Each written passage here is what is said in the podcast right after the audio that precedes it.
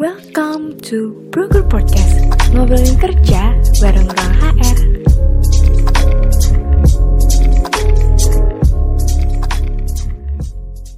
Halo Sobat Hero, kembali lagi di Broker Podcast, tempatnya kamu cari informasi seputar pekerjaan. Masih sama aku, Kezia Krisnavitya, dan Kak Biang Lala Andrea Dewi.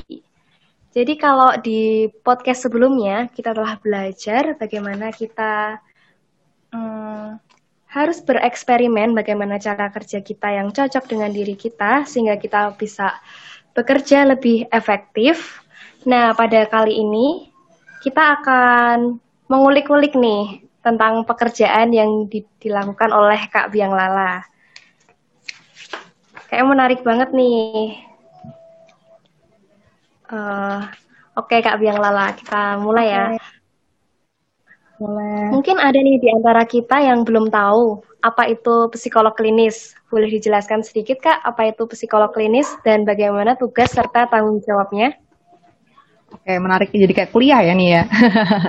Psikolog klinis itu ya bisa disebut salah satu profesi yang apa ya memberikan pelayanan di kesehatan mental ya.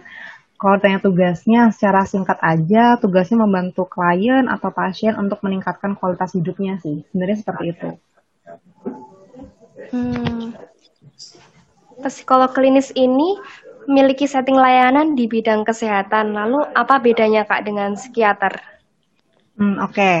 kalau bedanya psikolog klinis sama psikiater, yang pertama dari jenjang pendidikannya. Kalau mau jadi psikolog klinis, kita pertama tuh S1-nya uh, fakultas atau jurusan psikologi gitu, SPSI gelarnya. Kemudian kita lanjut di magister keprofesian, peminatannya klinis. Nanti dapat gelar dua, empati sama psikolog. Itu uh, latar belakang pendidikan. Kalau dokter atau psikiater, Ya, berarti S1-nya kedokteran, kemudian koas, internship, sama seperti dokter pada umumnya, kemudian ambil spesialisasi kejiwaan. Nanti gelarnya SPKJ. Itu dari latar belakang pendidikannya. Kalau untuk treatment yang diberikan, psikolog itu memberikan psikoterapi. Gitu. Kalau dokter memberikan resep atau psikofarmakologi, obat, dan ditambah juga psikoterapi. Gitu. Jadi psikolog nggak bisa meresepi obat, tapi kalau uh, merasa butuh diresepin obat, berarti konsultasinya ke psikiater. Uh, masalah-masalah apa aja sih kak yang biasanya diatasi oleh psikolog klinis? Oke, banyak banget sih masalahnya apa aja ya, karena kan uh, pada dasarnya psikolog klinis itu kita mempelajari tentang manusia.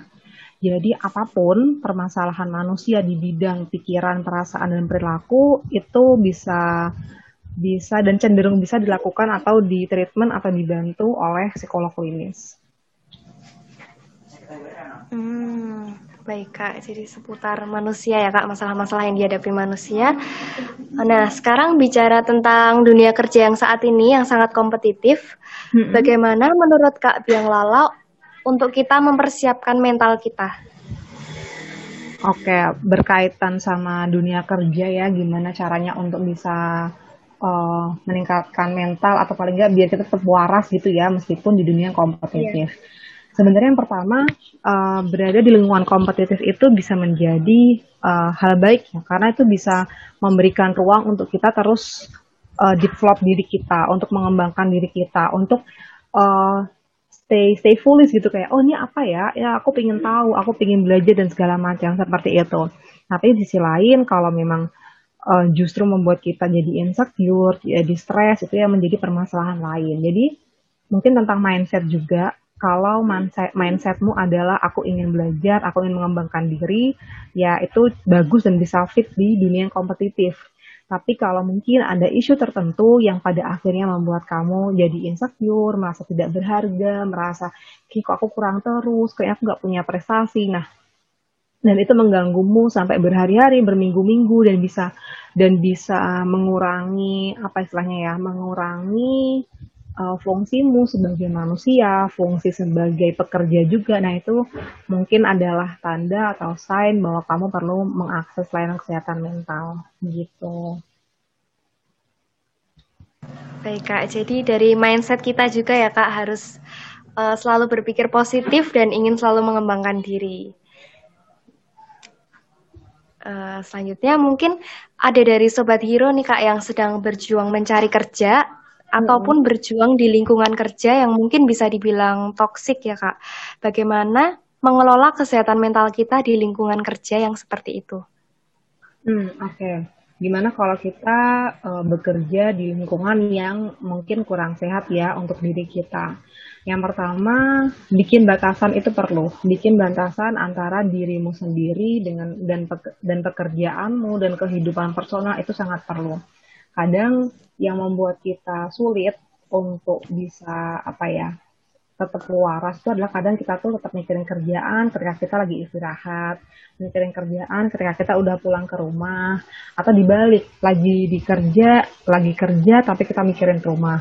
Sebenarnya pasti komentarnya ya itu adalah hal yang wajar nggak sih kak? Itu kan juga susah kalau kita mau uh, berhenti mikirin kerjaan atau berhenti mikirin rumah gitu. Nah jadi kita bisa lebih coba untuk lebih mindful, uh, bisa lebih fokus sama apa yang ada di depan kita sekarang. Oh di depanku nih ada keluargaku, ya udah aku mungkin makan dulu sama keluargaku, ngobrol dulu. Kalau mau kerja ya nanti ketika waktunya kerja. Jadi kita bikin batasan seperti itu. Nah kemudian uh, coba pertimbangkan atau analisis lagi nih pro dan kontranya untuk tetap stay di situ atau enggak. Kalau kiranya ternyata banyak kerugiannya, kalau ternyata banyak kerugiannya ketika kita tetap stay di situ, nah itu mungkin bisa jadi teman-teman pertimbangkan untuk uh, apa ya minimal untuk konsultasikan kepada HR-nya atau beberapa perusahaan atau psikolog klinisnya juga konsultasikan hal tersebut.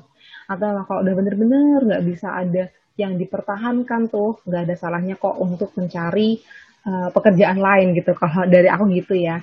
Nah, tapi kalau ternyata, oh ini aku masih butuh, masih banyak benefitnya nih aku kerja di sini meskipun bukannya toxic, nah ya itu berarti buatlah batasan antara dirimu dengan pekerjaanmu, ya, dan tetap uh, punya aktivitas lain yang membuat kamu happy gitu. Misalnya, hmm, kamu suka main musik, ya udah setelah setelah pulang dari kerja gitu kan, uh, melakukan aktivitas itu atau kamu suka bikin video, kamu coba jadi konten kreator kayak gitu. Jadi tetap melakukan atau punya aktivitas yang membuat kamu happy. Wah, ternyata ada banyak sekali ya Kak cara-cara uh, supaya kita tuh bisa terus memiliki mental yang sehat. Nah, sekarang uh, boleh nggak nih Kak Biang Lala sharing-sharing hmm? uh, suka duka apa sih yang Kakak rasakan selama berkarir di psikolog klinis? Oke, wah menarik banget ya pertanyaannya ya, suka dukanya. Mungkin uh, dari dukanya dulu aja deh. Dari dukanya itu uh, sekarang kalau apa ya, lawan atau yang sedang kita perjuangkan itu adalah stigma ya. Stigma bahwa oh orang kalau ke psikolog atau orang kalau mengakses layanan kesehatan mental itu artinya uh, dia lemah, artinya dia gila gitu. Itu yang sedang kita perjuangkan juga. Enggak kok kamu tuh ke psikolog klinis untuk mengembangkan diri itu sangat boleh dan itu hal yang sangat wajar. Jadi ke psikolog itu bukan berarti kamu gila. Ya, ke psikolog itu berarti kamu punya keberanian untuk membuat perubahan yang baik dan besar dalam hidupmu. Seperti itu. Nah, kalau sukanya sebenarnya banyak banget ya sukanya. Yang pertama sih bisa memperluas perspektif karena uh, bertemu dengan banyak orang karena kan apa ya klien kita kan manusia gitu ya pasien kita uh, manusia dari berbagai latar belakang gitu. Kita bisa punya banyak perspektif, kita bisa tahu, oh ternyata pekerjaan ini atau profesi ini tuh seperti ini ya. Oh kalau kuliah jurusan ini nanti bisa ke uh, apa namanya, bisa kerja yang ini segala macam. Jadi kita punya banyak banget perspektif dan info tentang manusia gitu. Jadi jadi less less menjudge orang juga karena kita dilatih untuk paham bahwa uh, orang melakukan seperti itu pasti ada dasarnya, pasti ada dinamika di belakangnya. Nah, apa itu? Nah, kita yang yang belum tentu tahu gitu kan. Terus bisa berbagi juga sama teman-teman tuh salah satu hal yang menyenangkan dari menjadi psikolog klinis. Begitu sih Kezia. Wah, ternyata menarik banget ya Kak berkarir di psikolog klinis. Iya, menarik banget. Uh, kalau tantangan terbesar yang pernah kakak hadapi selama menjadi psikolog klinis apa kak dan bagaimana cara mengatasinya? Hmm oke, okay. sebentar ya sambil ku ingat-ingat ya apa ya tantangannya? Hmm tantangannya menjadi psikolog klinis ya itu sih tadi yang aku udah bilang mungkin yang paling besar adalah stigma ya. Uh, tidak uh, tidak jarang juga mendapatkan apa ya cibiran mungkin katakan seperti itu kan kayak oh psikolog tuh yang uh, ngurusin orang gila ya oh psikolog tuh yang um, bisa baca orang apa segala macam hal-hal yang miss gitu kan yang sebenarnya kita tuh kadang kepengen banget untuk meluruskan cuman kadang kan uh, waktunya kurang tepat. Nah itu kadang-kadang kita gatel sih. Kalau aku pribadi sih aku gatel banget ketika mungkin lagi di acara uh, sama teman-teman yang bukan psikolog gitu atau acara keluarga terus ada yang bilang seperti itu gitu kan. Kadang kepingin untuk meluruskan cuman kan waktunya kurang kurang tepat ya ya, ya udah agak gimana gimana lagi gitu. Ya again sih uh, lawan kita adalah stigma. Kompetitor tanda kutip kompetitor terbesar psikolog itu adalah stigma.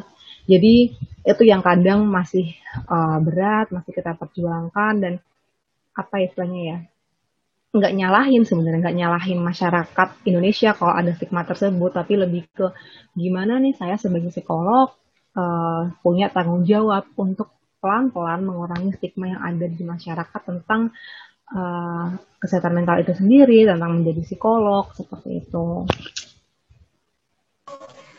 Ah, baik kak, cukup panjang nih uh, obrolan kita kali ini. Ya. Terima kasih hmm. banyak Kak Biang Lala telah menyediakan waktunya, telah mau sharing-sharing bersama uh, Sobat Hero sekalian. Terima kasih juga Kesia dan Sobat Hero semuanya.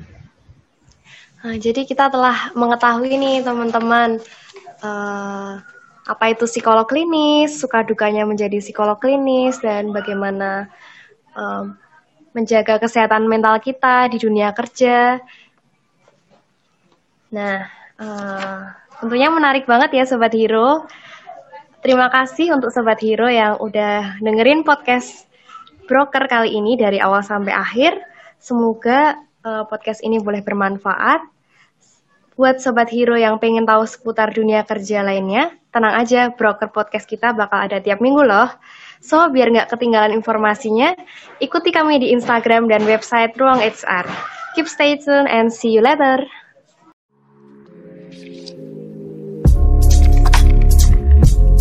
Cari info dan apply kerja, Ruang HR aja. Apply kerja dari rumah.